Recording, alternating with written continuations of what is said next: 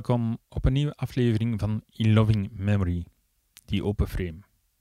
Mijn naam is Lara en ik wil jullie allemaal bedanken voor de afgelopen week al die mooie berichten dat ik heb mogen ontvangen.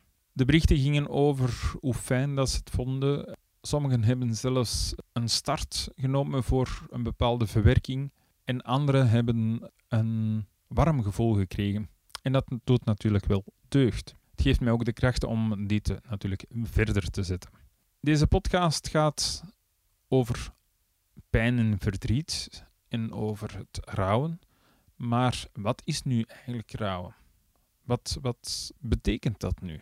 Ja, als we dat meestal vragen aan de mensen, en ik heb er een aantal de vraag kunnen stellen, dan krijg je vaak het antwoord van ah, rouwen is, heeft te maken als je iemand verliest, dan, dan ga je eigenlijk gaan dat verwerken en, en ja, dat hoort nu eenmaal bij het leven.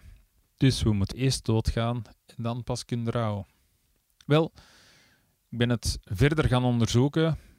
Ik heb daar nu ook niet te lang mee naar, naar zitten te zoeken, maar ik heb een aantal woordenboeken open gedaan, eh, op internet gezocht. En ik kwam op een aantal omschrijvingen. En een van die omschrijvingen is een emotionele reactie als gevolg van een verlies, in het bijzonder het verlies van een naaste. Of rouw is een proces dat gepaard gaat met allerlei gevoelens, gedachten en gedragingen. Dat vind ik eigenlijk al iets beter. Wat ik nog gevonden heb, en, en eigenlijk wel vind ik, maar dat is voor ieders natuurlijk anders, rouw is je aanpassen aan een veranderde situatie. En waarom vind ik dit eigenlijk meer gepast dan de twee vorige? Terwijl dat eigenlijk een proces, rouw is een proces, dat klopt.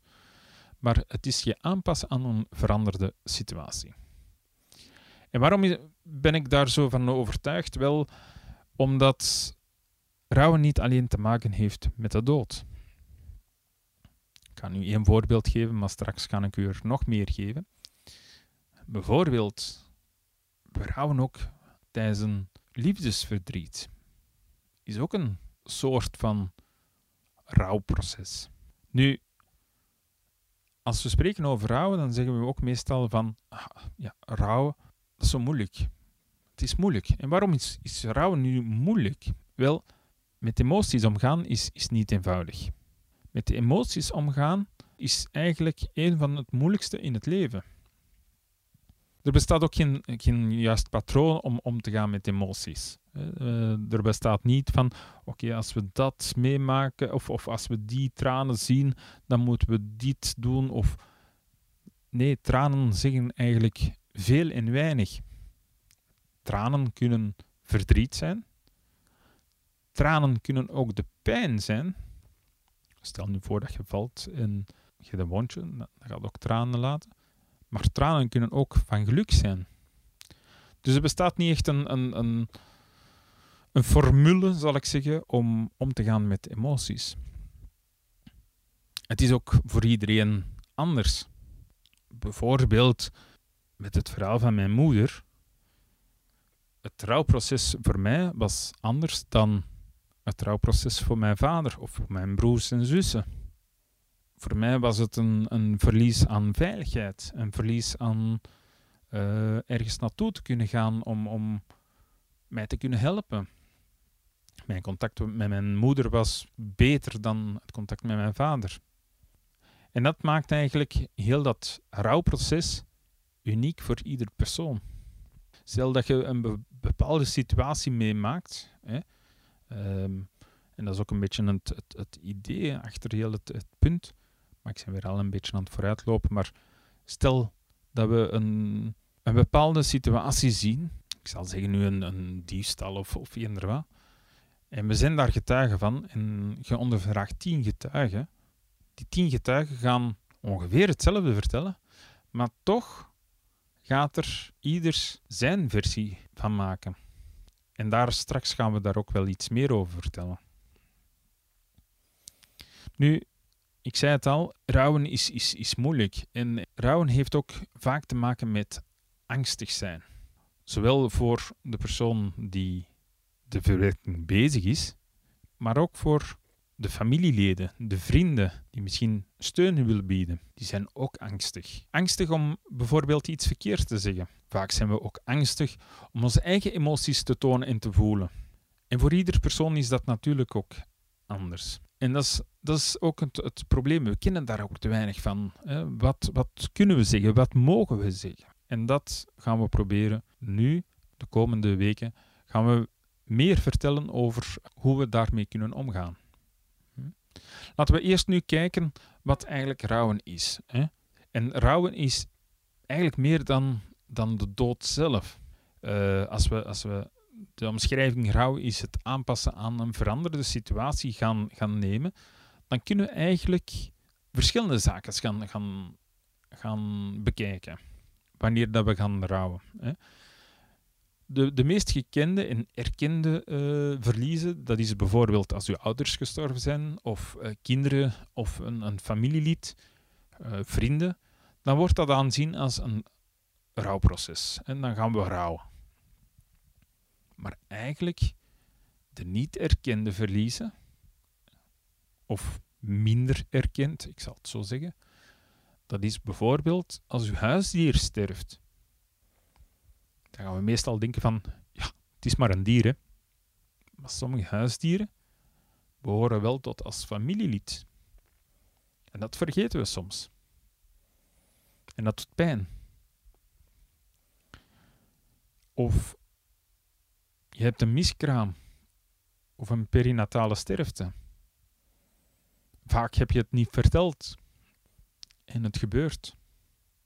Uw kind komt er niet. Dat heeft ook gevolgen. Dan zitten ook in een rouwproces.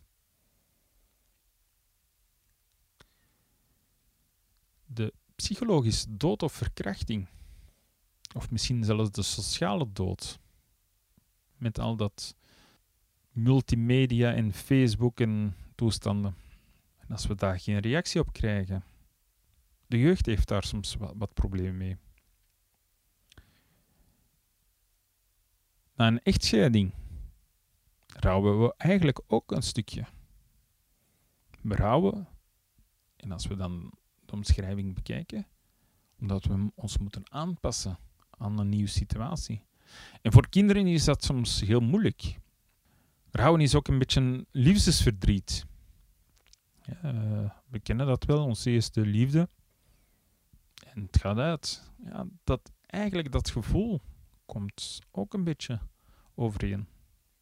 Misschien brandt uw huis af. En moet je dat ook verwerken. En niet om het materiële. Want het materiële is vervangbaar. Het huis kun je terug opbouwen. Maar waar rouwen we het meeste om? Bijvoorbeeld de foto's die daar verbrand zijn. En de foto van uw mama of, of, of van, van uw vader of, of kinderen. Die zijn meestal ook opgebrand. En daar, dat proces, daar rouwen we ook vaak om. Maar dat we ook niet kunnen vergeten is bijvoorbeeld als je ledemaat verliest tijdens een ongeval. En je been moet geamputeerd worden bijvoorbeeld heb je ook een verwerkingsproces nodig om terug aan te passen aan dat nieuwe situatie.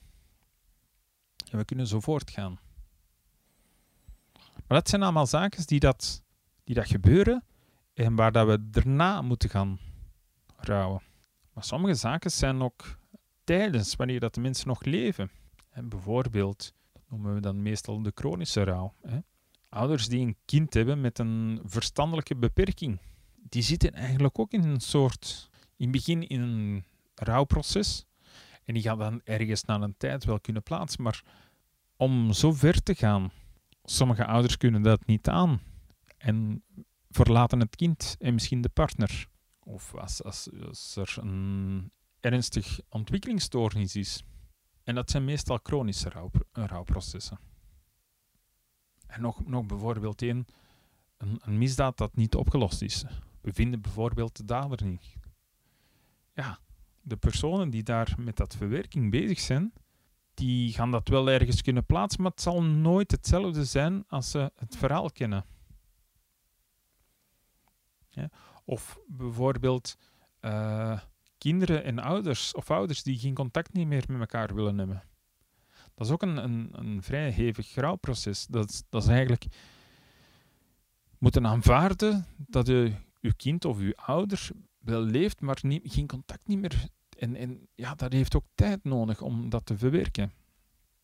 Een van de punten die dat, eh, waar ik zelf nu nog meer over kan spreken, is bijvoorbeeld dementie. Mijn schoonmoeder heeft eh, dementie. Al tien jaar ondertussen. Wel, als we het, het gaan, gaan of, of de rouwtaken, hè, want dat wordt vaak zo genoemd, rouwtaken gaan, gaan bekijken, ja, dan heb je ook, hè, moet je ook eerst aanvaarden en moet je ook eerst door dat proces. Ja, als ik nu zie, mijn, mijn, mijn schoonvader, zie ik vaak regelmatig bepaalde stadia's. Hè, de vijf stadia's die, dat ik, die dat ik vorige week had eh, verteld. Hè, de ontkenningsfase, de, de woede, enzovoort. Ik zie dat nu. Ik merk dat heel hard op bij mijn schoonvader. De eerste jaren was het echt puur ontkenning. Van nee, ze gaan nog goed komen. Terwijl ze jaar na jaar achteruit gaat. Nu zit ze in een bepaald stadia dat eigenlijk ja, het einde in zicht is. Spijtig genoeg. Ze eet weinig. Ze beweegt niet meer. Ze praat niet meer. Als we daar tegen spreken, krijgen we heel weinig reactie. En toch zie ik mijn schoonvader daar nog altijd een beetje hoop hebben dat ze beter wordt. Terwijl dat, dat niet is. Elke dag zit hem daar een uur en een half tot twee uur een boterham te geven. Dat ze die boterham opeet en dat ze er bekers, tas koffie op drinkt. Twee uur elke dag aan een stuk. En dan mogen wij daar nog alles tegen zeggen van... Ze heeft die energie niet meer nodig. En toch blijft hem dat doen. En dat is ook een, een soort ja, verwerking dat hem nodig heeft van, om toch te geloven, om toch te kunnen doorgaan. Terwijl dat hem zelf psychologisch een beetje onderdoor aan het gaan is. En natuurlijk proberen we dat op te vangen langs alle kanten, maar de persoon is er. Hè? Leven met een levend verlies is echt niet eenvoudig. En er zijn zo meer, meerdere zaken. Bijvoorbeeld, ehm, een aantal jaren terug heb ik een uitvaart moeten fotograferen. En dat was voor een kind van 18 jaar, denk ik. Of nee, 21 jaar. En dat kind was al 10 jaar aan het afzien. Afzien, pijn hebben. 10 jaar lang. En alles gedaan. Verschillende dokters gezien. En voor de ouders is dat ook een, een soort rouwproces dat al lang bezig is. Elk, elke dag in en uit je kind zien afzien. En zo zijn er eigenlijk verschillende situaties waar dat we mee rouwen, zonder dat we beseffen dat we het soms aan het rouwen zijn. En want het punt is ook, rouwen is eigenlijk individueel. Iedereen bepaalt zijn eigen weg. En het is ook hard werken. Je moet ermee bezig zijn. En, en dat is niet, niet altijd zo eenvoudig. En omdat het zo individueel is, is het ook niet altijd eenvoudig om, om de juiste antwoorden te geven of, of de juiste vragen te stellen. Of, of allee, voor mensen die daar uh, niet mee bezig zijn. Maar ik kan het begrijpen dat, dat je dan zegt van, oh, dat is zo moeilijk. En dat is ook moeilijk. Hè? Ja, het is de ene persoon, als je zegt van, alles oké, zal bijvoorbeeld, ja, dat is top, ik voel mij goed. Terwijl dat een ander misschien met dezelfde vraag totaal anders gaat reageren. Eh, het probleem is, er zijn geen regels van rouwen. Uh, en er bestaan ook eigenlijk verschillende modellen, het Kubler-Ross, Parkinson enzovoort, dat zijn allemaal technische termen. En als je die fases gaat bekijken van al die modellen en gaat dat analyseren, dan kom je eigenlijk op het punt van al die fases ko komen niet overeen. Uh, wat bedoel ik daarmee? Die, die, die, die verlopen niet altijd volgens het boekje. Dus dat maakt het eigenlijk nog heel dat proces interessant om, om, te studeren. Hè. Ehm, ik kan u straks ook uh, het uh, Kubler-Ross uh, model eventjes uitleggen. Wat denk ik het, het, het eenvoudigste is om, om te begrijpen. En het punt is, ja, soms moeten de bepaalde reacties, soms moeten bepaalde ehm, gedragingen gaan bekijken en, en weten van oké, als ze eens boos worden op mij, dan is dat normaal.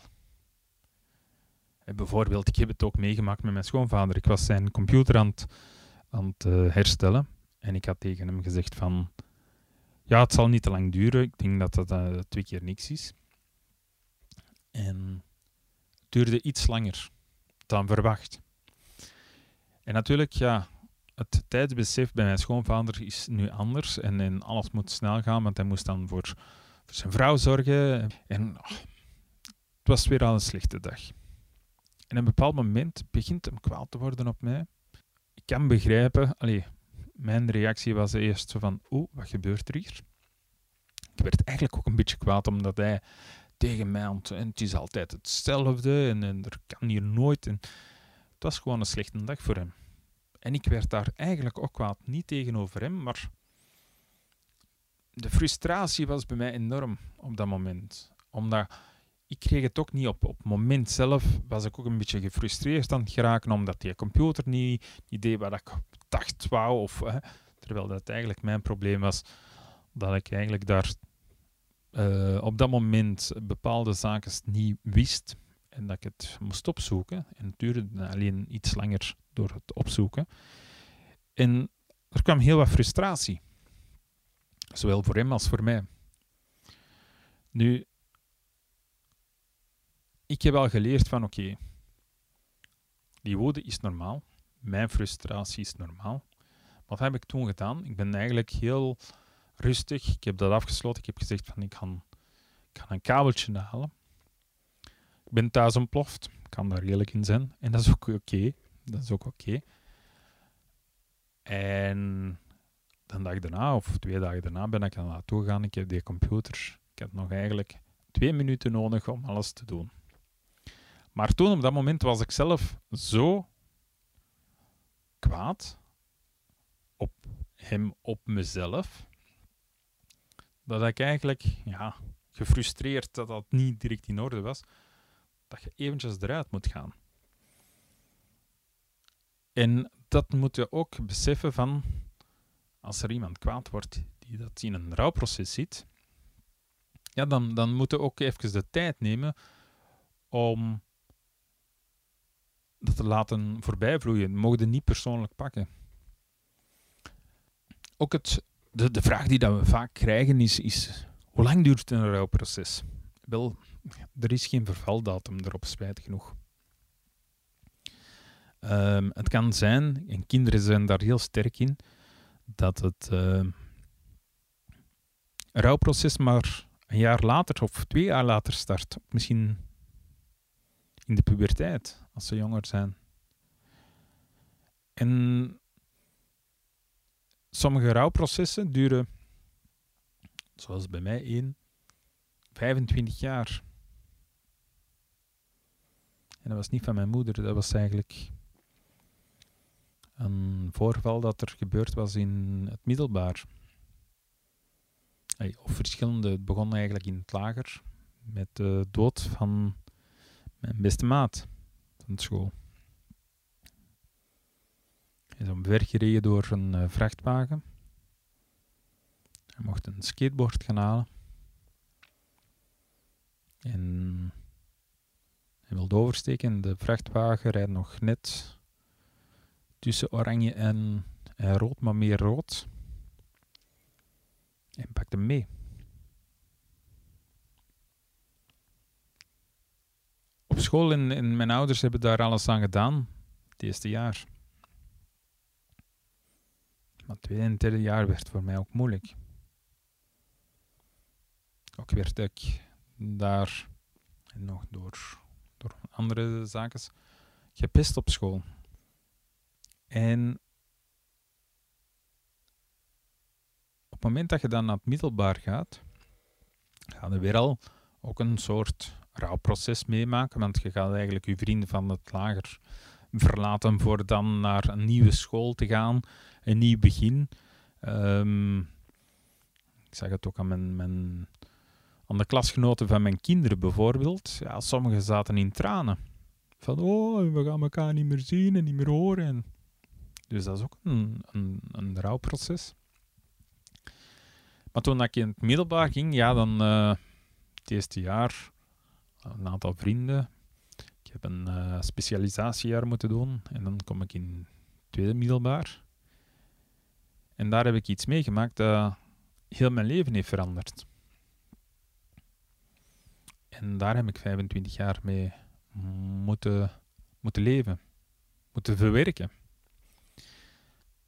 Ik kan niet veel details erover zeggen, maar laten we zeggen dat de leerkracht uh, bepaalde zaken heeft geprobeerd, die psychologisch dan toch, we naar een bepaald eindpunt geraken, is bij mij niet gelukt.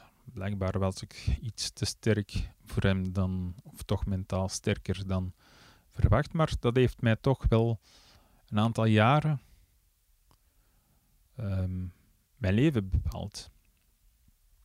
Dus je ziet, er is ook geen, geen begindatum of, of geen einddatum. En het hangt ook een beetje vanaf van, van de omstandigheden.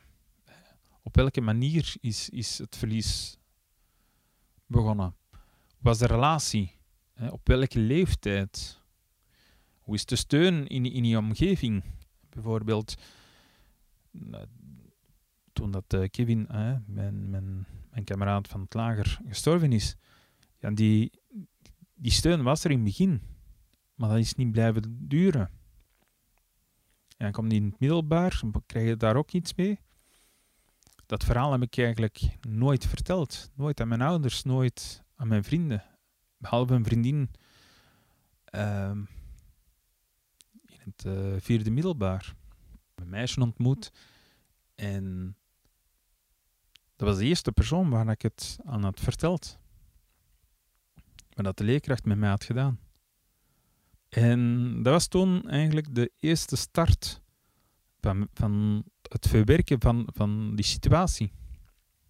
En moet zeggen, dat was, dat was voor mij niet, niet eigenlijk een, een opluchting dat ik het aan iemand kon vertellen en dat ze mij ook um, begreep zonder te weten wat dat het eigenlijk was, maar ze geloofde mij. En dat was al voor mij veel waard. Nu, twee jaar later is ze dan ziek geworden. En is ook gestorven aan leukemie. En dat was voor mij eigenlijk de, de, de doodslag. Dat was voor mij de doodslag om, om, om verder te gaan. Om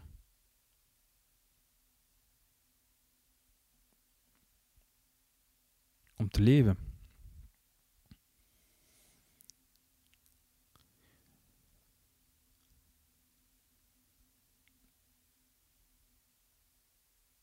Punt is dat ik zelfs een bepaald moment dacht aan te verdwijnen. Te verdwijnen en,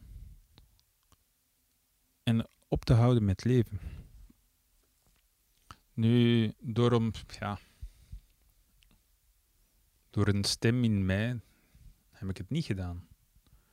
En eigenlijk wou ik deze verhaal niet vertellen, want ik wil nu ook niet iedereen um, onnodig op, op uh, andere gedachten zetten. Maar ja, ene keer dat ik iets vertel, dan wil ik wat meer vertellen. Maar iets in mij heeft mij toch om, om de kracht gegeven om om te draaien en terug naar huis te gaan. En gelukkig, want anders zou ik dit niet eh, kunnen doen. En daarom, het, het trouwproces is, is eigenlijk iets heel uniek. Hè. Ik heb op korte tijd heel veel meegemaakt.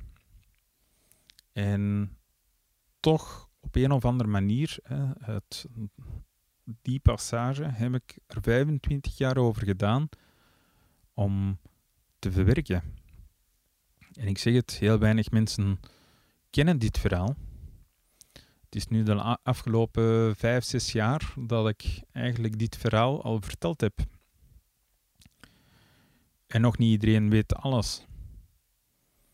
Vorig jaar heb ik maar pas verteld aan mijn broers en zussen wat ik al 30 jaar heb moeten meemaken. En nu, ik kan eerlijk zijn, ik voel me vrij. Voel me vrij uh, sinds ik zelf uh, uh, bezig ben met, met mezelf en, en, en alles te leren over, over rouwproces en het verwerken en, en, en, enzovoort, voel ik me vrij.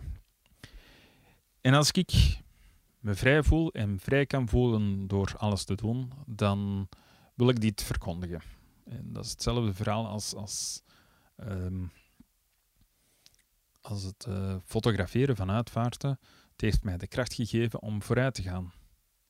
En ook dit is, is voor mij heel belangrijk. Hè?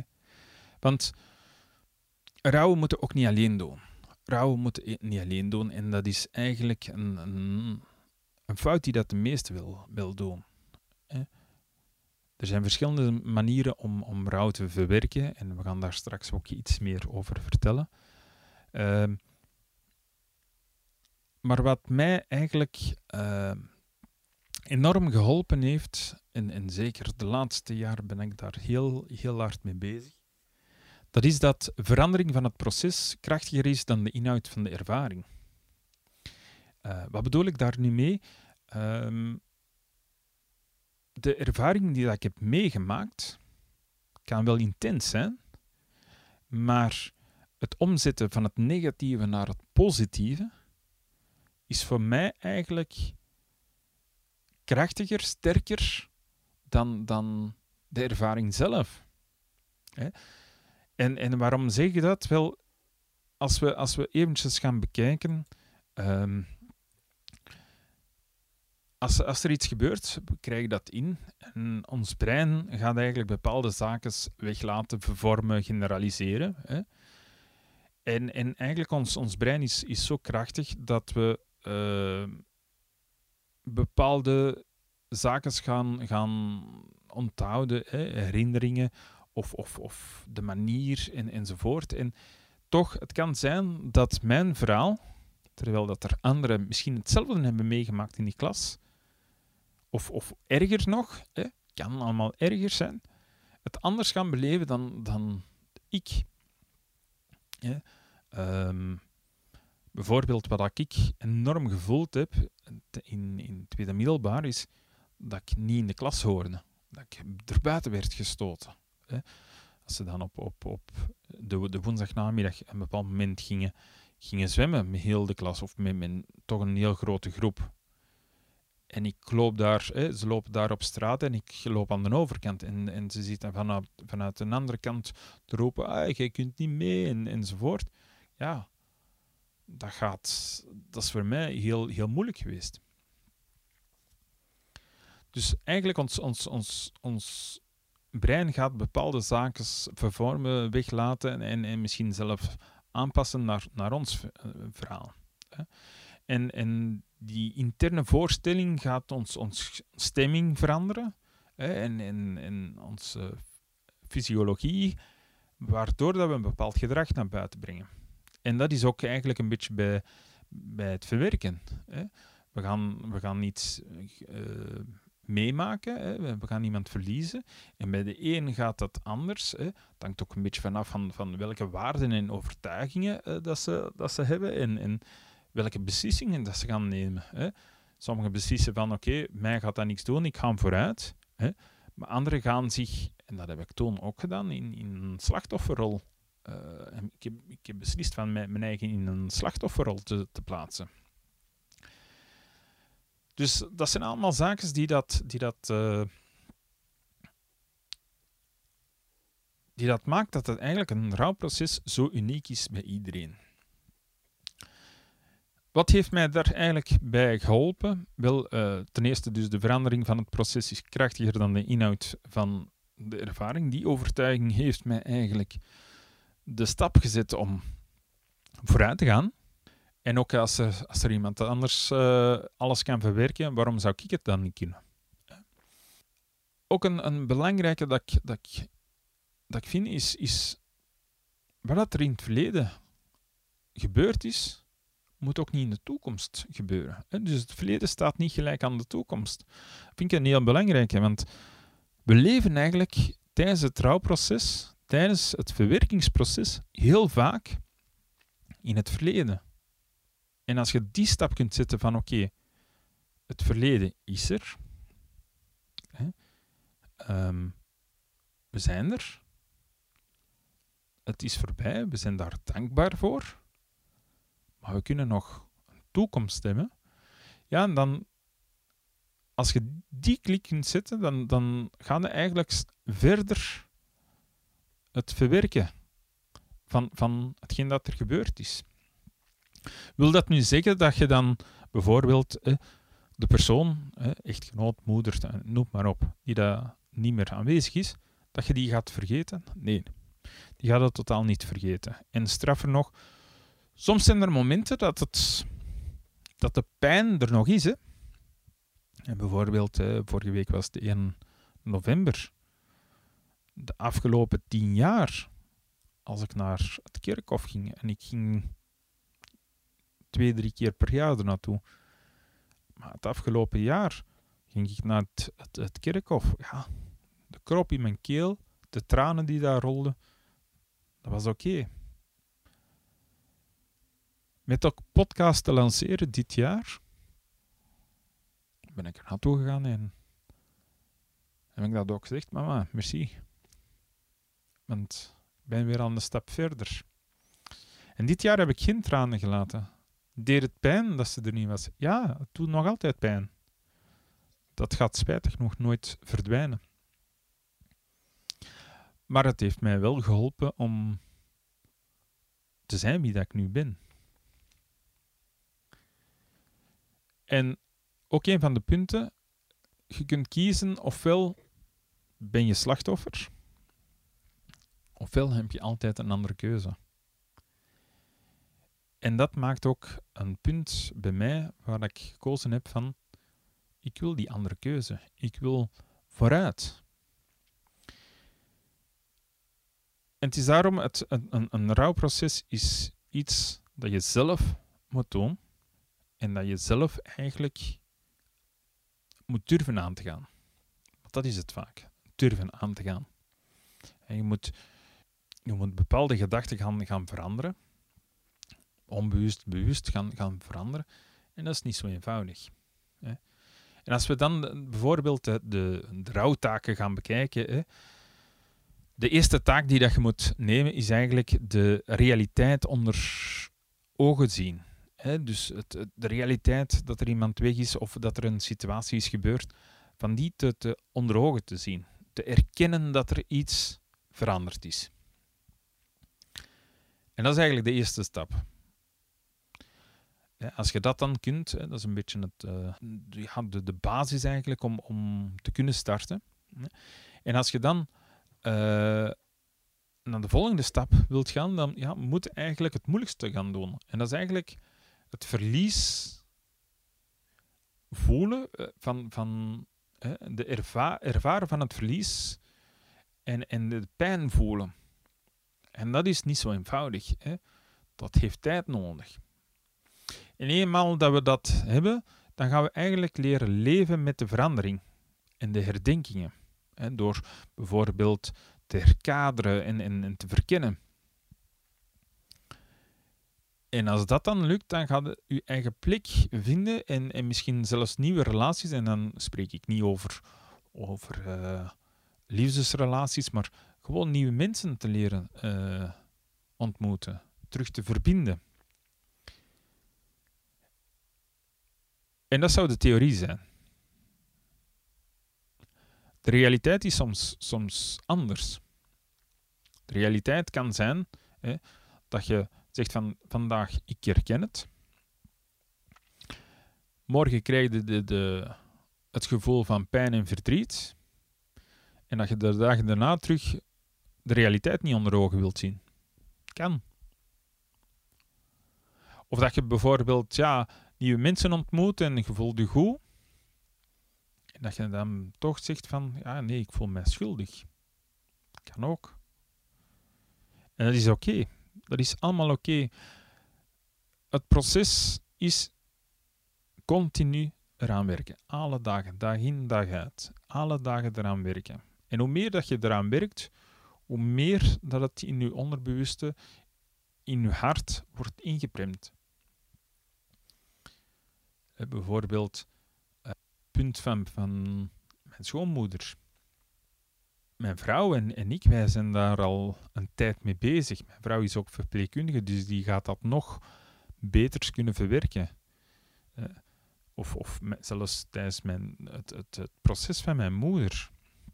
Mijn vrouw zag al, voordat mijn moeder ging sterven, omdat ze de symptomen ook zag, dat het niet goed was. Terwijl dat ik het niet wou erkennen. Ik wou het niet onder mijn ogen zien, dat de realiteit was dat mijn moeder ging sterven. En mijn vrouw zag het al wel. En dan, ja, natuurlijk zitten in een totaal ander proces. Nu, ik zeg, hè, het proces is, is um, moet je alleen doen. Ja, maar dat moet je ook met vrienden en familie doen. En dat is wel heel belangrijk. Of zelfs uw buurvrouw of buurman of eender wat, als de mensen u iets vragen van hoe gaat het met u? Wees dan soms eerlijk. Het gaat niet. Durf die emoties te, te vertellen. Natuurlijk, als dat in de winkel gebeurt, dat je, dat je iemand tegenkomt, een, een vriendin of een vriend, en, en op dat moment zeg van, uh, hey, hoe gaat ie? Ja, het gaat niet goed. Dan gaat het daar niet in de winkel beginnen te, te blijten. Dan kun je beter zeggen van, ja, ik wil er nu niet over spreken, maar wilde mij van de avond bellen? Of mag ik u van de avond bellen? Dan weet je meestal van, oei, er is een probleem. En eigenlijk de beste remedie voor, voor de verwerking, voor het starten of, of het verwerken, is er met anderen erover te praten. En ook als je daar geen zin hebt, van ook je grenzen aan te geven. Geef je grenzen aan van, hé, hey, nu niet. Ik heb er geen nood aan. Dat doen we te weinig. De grenzen stellen wel, maar erover praten is soms heel moeilijk. En als je iemand wilt helpen, is eigenlijk maar één belangrijk gegeven. Soms moet je niks zeggen. Soms moet je enkel luisteren luisterende persoon, knikken, een vraag hier en daar, maar eigenlijk het belangrijkste is, is luisteren. Luisteren naar wat ze te vertellen heeft, aandacht geven aan de persoon. Want in het begin krijg je na een uitvaart of na een bepaalde situatie heel veel aandacht en dan val je in een put. En dat is het, hetgeen dat ik het meeste opmerk na, in gesprekken eigenlijk, na, na x aantal weken, maanden, dat ze eigenlijk geen contact niet meer hebben met, met iemand. En pas op, in het verleden heb ik dezelfde fout gemaakt. En dat is ook, ja, kunnen daar iets aan doen? Ja, we moeten daar leren, leren mee, mee, omgaan. En, en uh, we moeten leren wat, wat wat de andere wilt en, en durven vragen. Ons eigen angsten eventjes opzij zetten.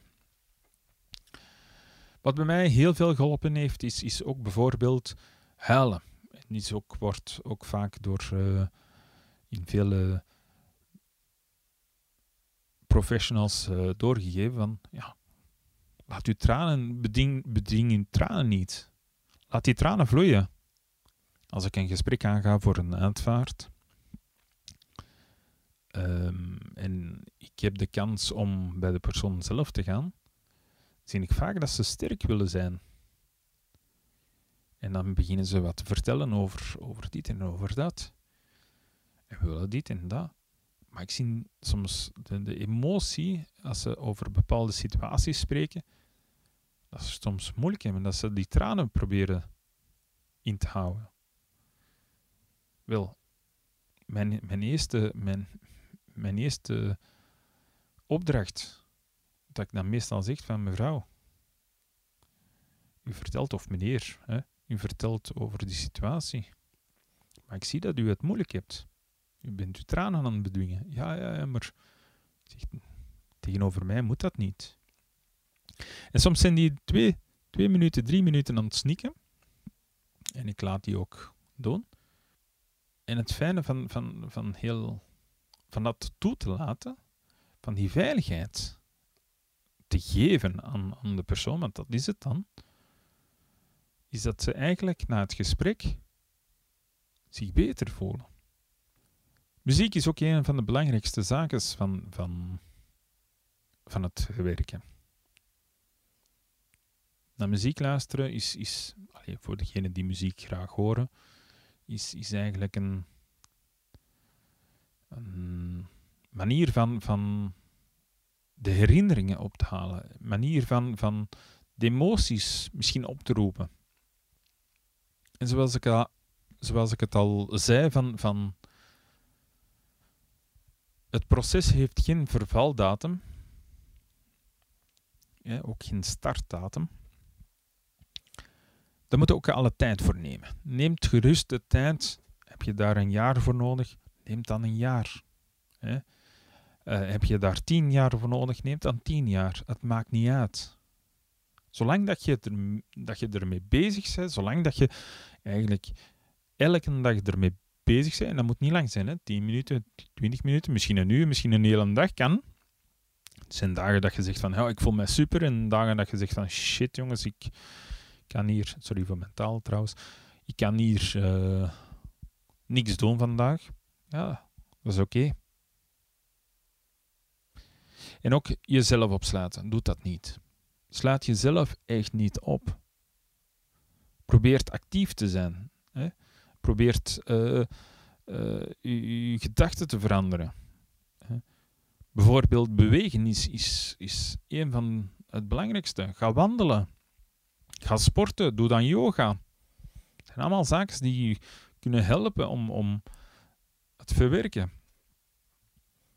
Bewegen is ook een, een manier van, van het negatieve in je lichaam eruit te halen.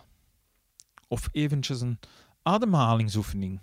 Als het even eventjes niet gaat, probeer iets van, van ademhalingsoefening.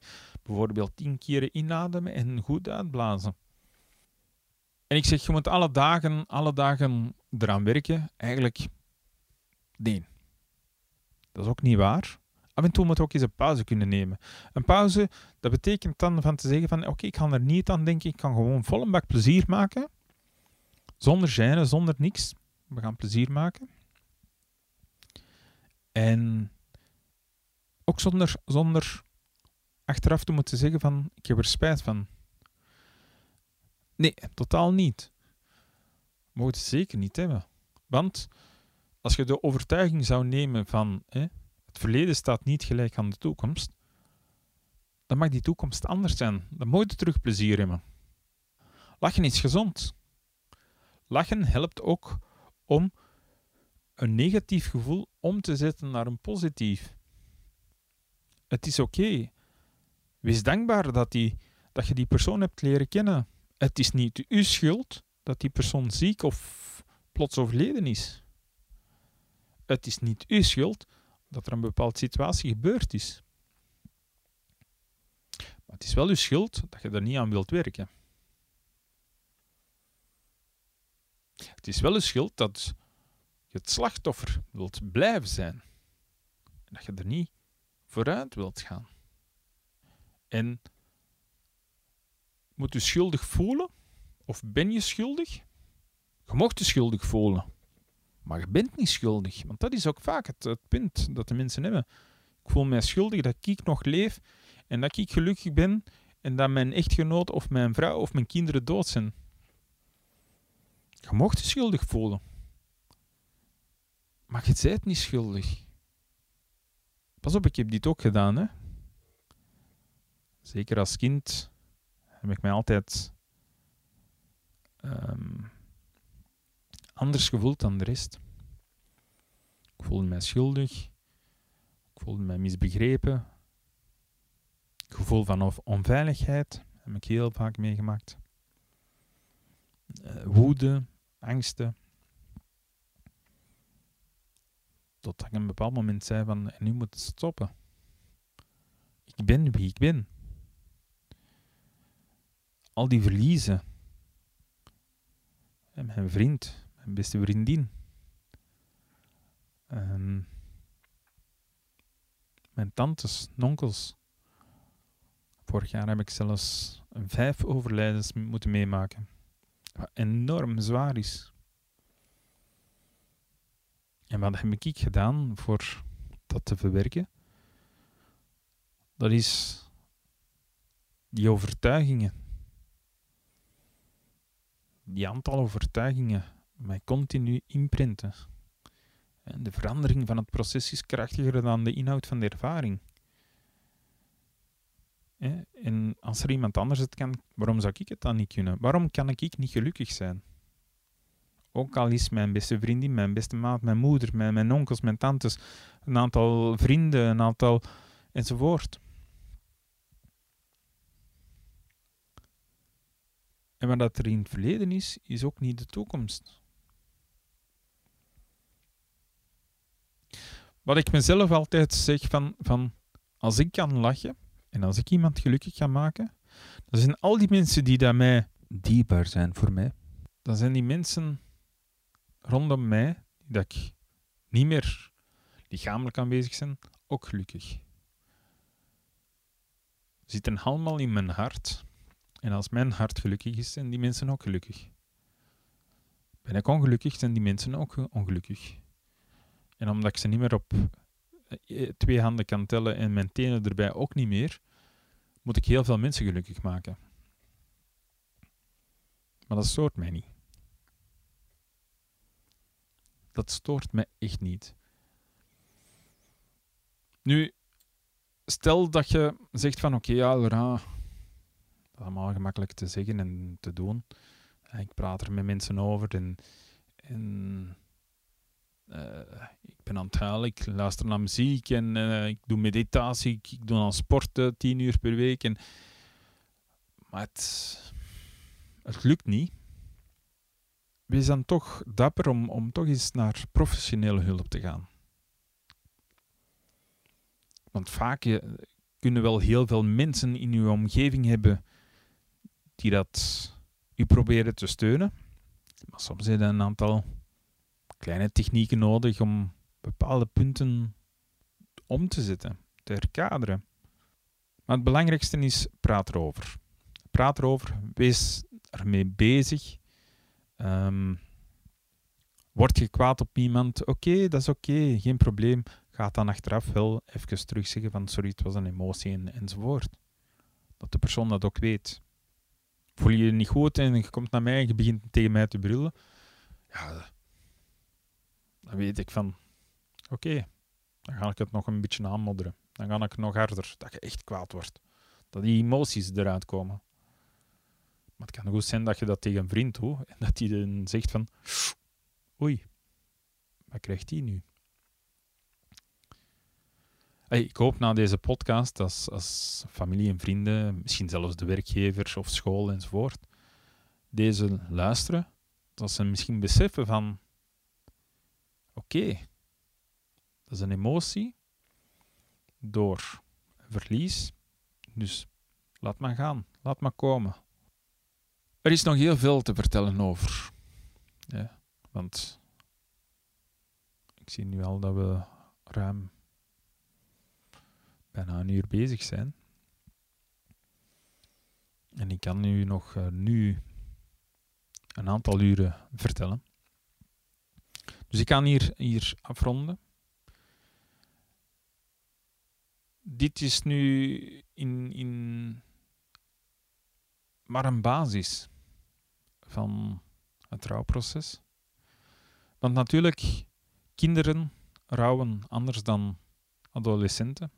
Adolescenten rouwen anders dan volwassenen en volwassenen anders dan ouderen. Daar zit ook een heel groot verschil in. En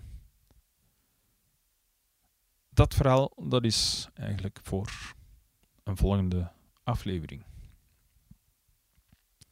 Ik wil jullie allemaal bedanken voor het luisteren naar deze aflevering. Voor de mensen die donkere gedachten hebben na deze podcast, er is altijd nog een, de zelfmoordlijn, telefoonnummer uh, eh, 1813. Die mensen weten waarover dat gaat. Dus als je donkere gedachten hebt, ga daar zeker, bel daar zeker naartoe. Ik kan alleen maar zeggen dat het uh, altijd een andere weg is. En door, die, door dat te zeggen, ben ik gelukkiger geworden. Hoe moeilijk het ook soms is. Nu, we gaan afronden. En uh, ik had beloofd van elke week een taak te geven. Als taak wil ik u het volgende geven. Wel, neemt uw gsm en zoek een vijftal mensen op die dat je lang geleden niet meer hebt gehoord of ontmoet. En stuur die vijf mensen een bericht. Wat er in het bericht moet staan, maakt eigenlijk niet uit. Maar wees hen dankbaar om ze ooit te hebben ontmoet, levenslessen te hebben mogen ontvangen en ook in vriendschap en liefde. En dat is eigenlijk de taak voor deze week. Er mogen er meer zijn, mogen er minder zijn, maar uh, dat is een opdracht die ik ook uh, recent nog gedaan heb. En ik moet zeggen, het was eigenlijk een fijn, fijn moment. Dus ik geef u die opdracht ook. Stuurt vijf berichtjes naar vijf, minstens, als het kan, vijf mensen dat je lang geleden nog hebt gehoord. En uh, ik wens jullie nog een fijne zondag toe. En tot volgende week. Alvast bedankt.